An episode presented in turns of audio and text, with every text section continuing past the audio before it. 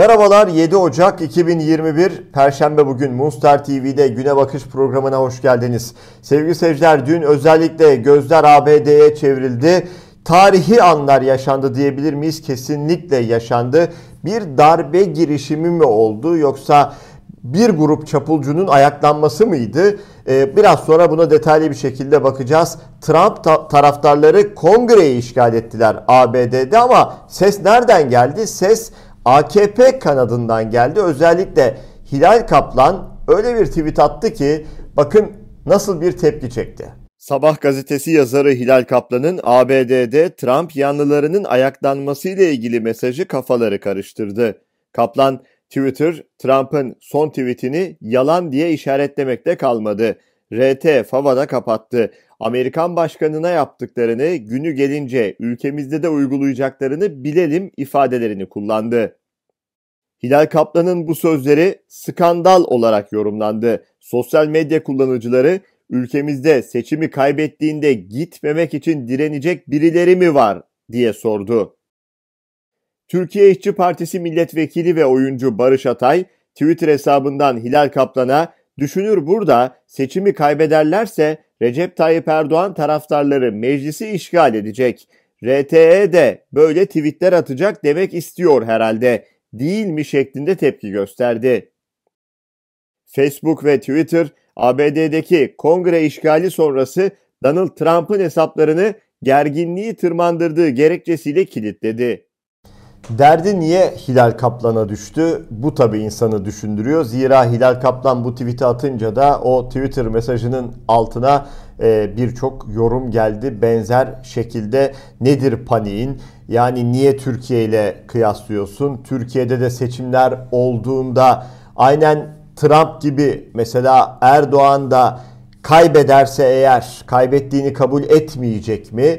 Evde %50'yi zor tutuyorum sözünü hatırlarsınız öyle mi olacak? Yoksa meclisi işgal girişimi mi yaşanacak gibi haliyle akla birçok soru geldi. Hatta bakın bununla alakalı Leman dergisi çarpıcı bir kapakla Erdoğan'ın ağzından Trump'a ders veriyor.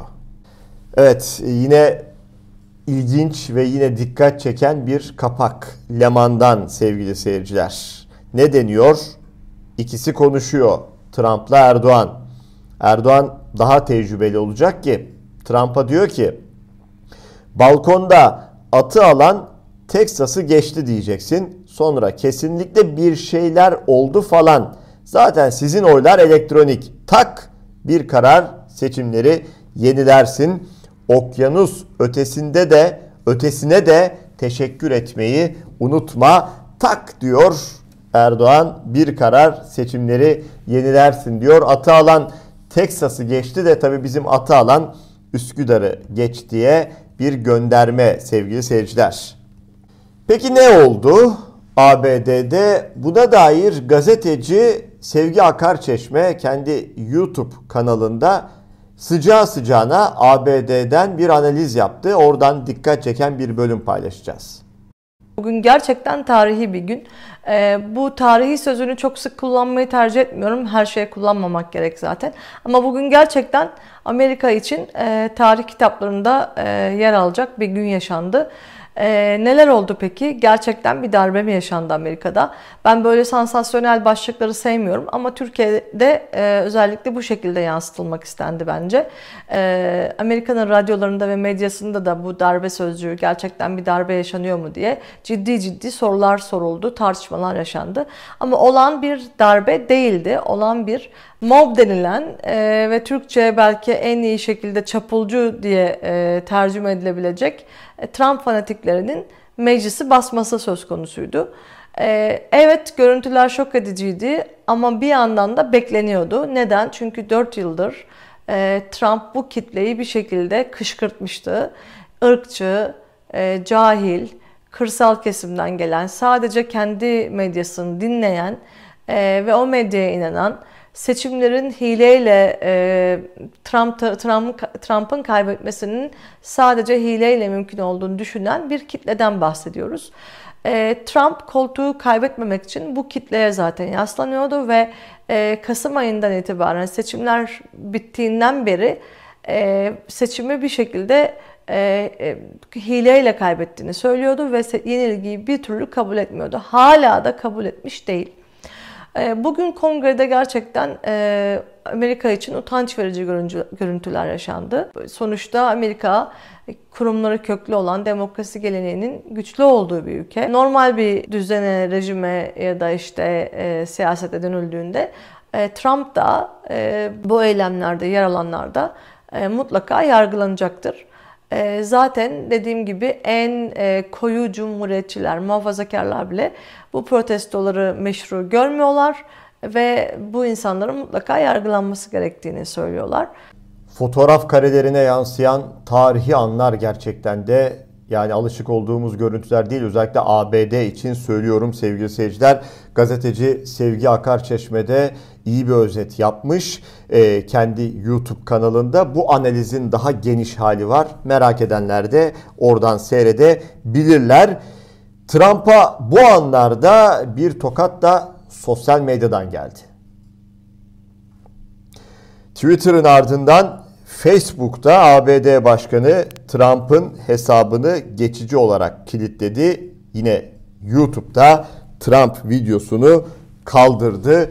Anında bakın tokat olarak iniyor sevgili seyirciler. Birazcık böyle demokrasiye e, müdahale geldiğinde kimliğiniz ne olursa olsun ABD'nin kaybetmiş eski başkanı da olsanız e, sosyal medya hesapları anında tweetlerinizi siliyor, hesabınızı kilitliyor, ayağını denk al diyor ne olursa olsun. İşte burası çok çok önemli. Özellikle bu nokta çok önemliydi. Seçimlerde kaybetti Trump ama o bir türlü bunu kabul etmiyor. İddialar ortaya koyuyor, usulsüzlüklerden bahsediyor ve kazandım diyor ki dün ABD'de yaşananların da haliyle müsebbibi kendisi. Yani işi tetikleyen e, yandaşlarını e, sokaklara bu anlamda döken Trump'tı. Peki Trump'ın iddiaları neydi? Gerçekler ne? ABD Başkanı Trump seçimlere usulsüzlük karıştırıldığına dair asılsız iddialarda bulundu ve bunu sürekli yineledi. BBC Türkçe güzel toparlamış. Şöyle deniyor haberde. Trump bunları defalarca dile getirmiş ve bazı seçmenin desteğini almış olsa da usulsüzlük iddiaları gerçeği yansıtmıyor. Peki seçimlerle ilgili doğru olduğu somut bulgularla kanıtlanmış olgular neler? Demokrat Parti adayı Joe Biden başkanı seçen seçici kurulda 306 delege kazandı. Trump'ın delege sayısı ise 232'de kaldı. Başkan olmak için gereken delege sayısı ise 270. Ülke genelinde Biden Trump'a göre yaklaşık 7 milyon daha fazla seçmenin oyunu aldı. Trump bugüne kadar çeşitli eyaletlerde sonuçlara itiraz eden yaklaşık 30 dava açtı. Bu davaların tamamı ya reddedildi ya da itirazın haksız olduğuna hükmedildi. Trump'ın atadığı ve Aralık ayında görevinden istifa eden eski Adalet Bakanı William Barr yapılan incelemeler sonucunda Trump'ın iddialarını kanıtlayacak hiçbir bulguya ulaşılamadığını açıkladı. Evet, yeniden pehlivan neden güne, güreşe doymuyor? Neden efendi bir şekilde çekilemiyor? Neden rakibini alkışlamıyor? Bir soruda ben sormuş olayım. Neden sorusu sevgili seyirciler. Neden ABD'de Trump'ın mağduriyeti, e, düzeltiyorum mağlubiyeti iktidar kanadını geriyor? Neden iktidar kanadı Türkiye'de AKP iktidarı ve yandaşları özellikle gazeteciler, AKP'li gazeteciler bu kadar dertleniyorlar, Trump'ı bu kadar destekliyorlar, gönülden sanki savunuyorlar yazılarıyla, yorumlarıyla, analizleriyle. İşte bunu da anlamış değiliz. Var tabi zaman zaman bu kanalda da programlarda onun arka planını konuşuyoruz. Başka programda yine onu konuşuruz sevgili seyirciler. Biz yeniden dönelim.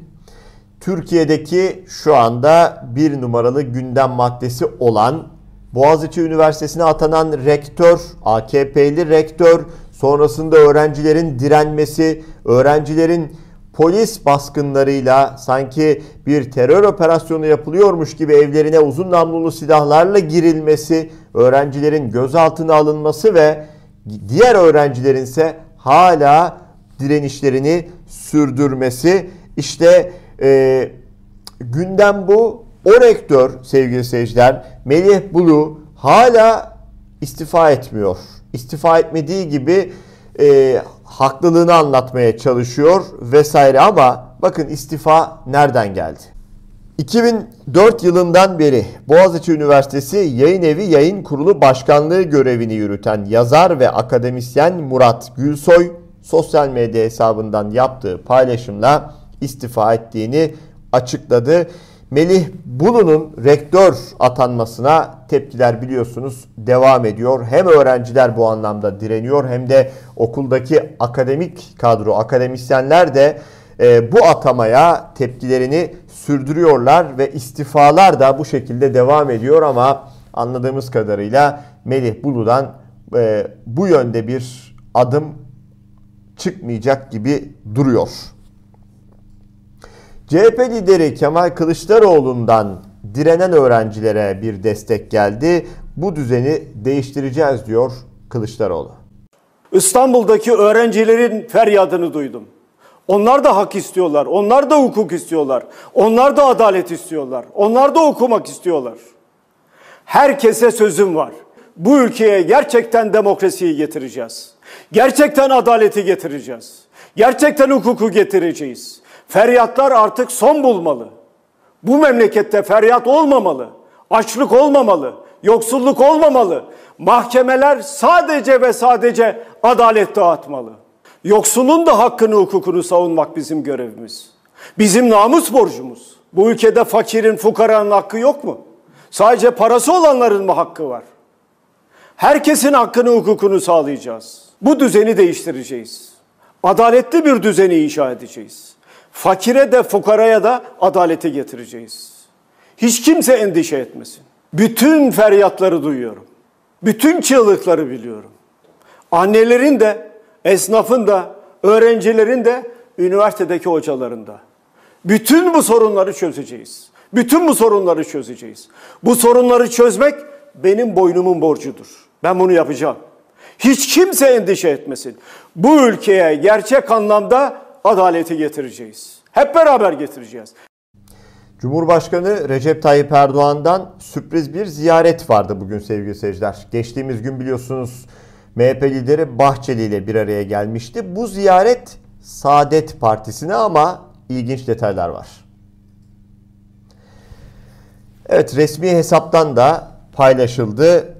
Nedendi? Cumhurbaşkanımız Recep Tayyip Erdoğan, Saadet Partisi Yüksek İstişare Kurulu Başkanı Oğuzhan Asil Türk'ü evinde ziyaret etti. Hemen akla şu soru geldi sevgili seyirciler.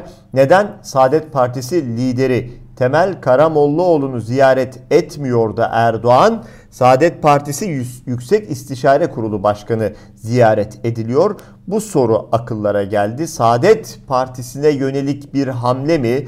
Seçimlerde elbette ki işlerin kolay olmadığını çok çok iyi biliyoruz. Haliyle de her partiden gelecek oy önem arz ediyor. Gazeteci Muhammed Vefa bu ziyarete dair detaylar paylaştı. Şöyle diyor ziyaret Oğuzhan Asil Türk'ün evinde gerçekleşiyor. Ziyaret talebi Cumhurbaşkanı Erdoğan tarafından geldi. Cumhurbaşkanı sivil araçla ziyarete geldi. Cumhurbaşkanı dün de aynı şekilde Devlet Bahçeli'yi ziyaret etmişti. İkili arasındaki görüşme 13.45'te başladı. Detayları da gazeteci Vefa paylaştı. Bakan Berat Albayrak'tan bahsediyoruz sevgili seyirciler. O enteresan istifa, sosyal medya istifasından beri ortalıkta yok. Bu bir mesele mi? Bence de bu bir mesele. Bakın bu meseleyi yani damat bakan Berat Albayrak'ın ortadan kayboluşunu CHP'li Özgür Özel Grup Başkan Vekili herkese sordu.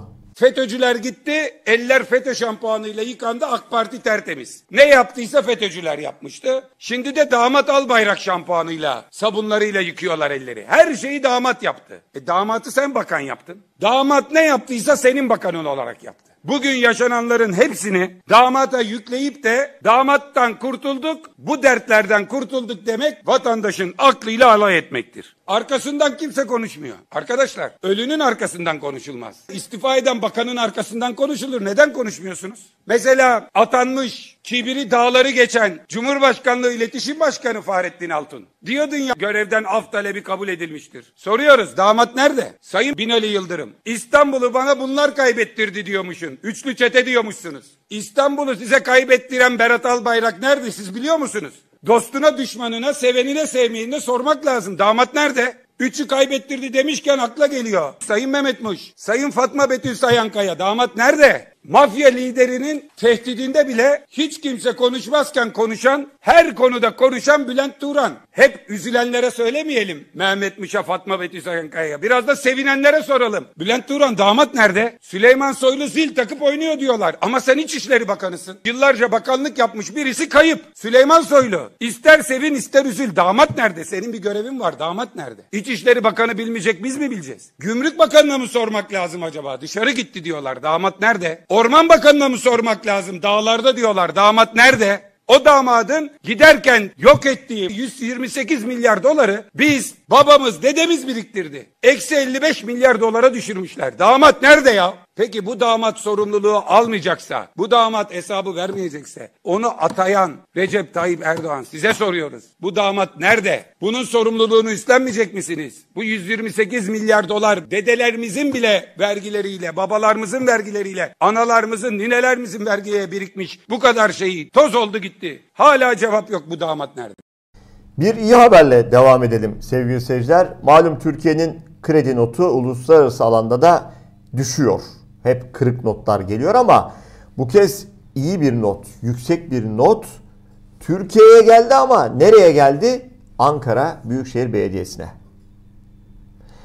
Evet, Fitch'ten Ankara Büyükşehir Belediyesi'ne A, A, A notu sevgili seyirciler. Ankara Büyükşehir Belediyesi Uluslararası Kredi Derecelendirme Kuruluşu tarafından Türkiye'nin kredibilitesi en yüksek belediyesi olarak tescil edildi.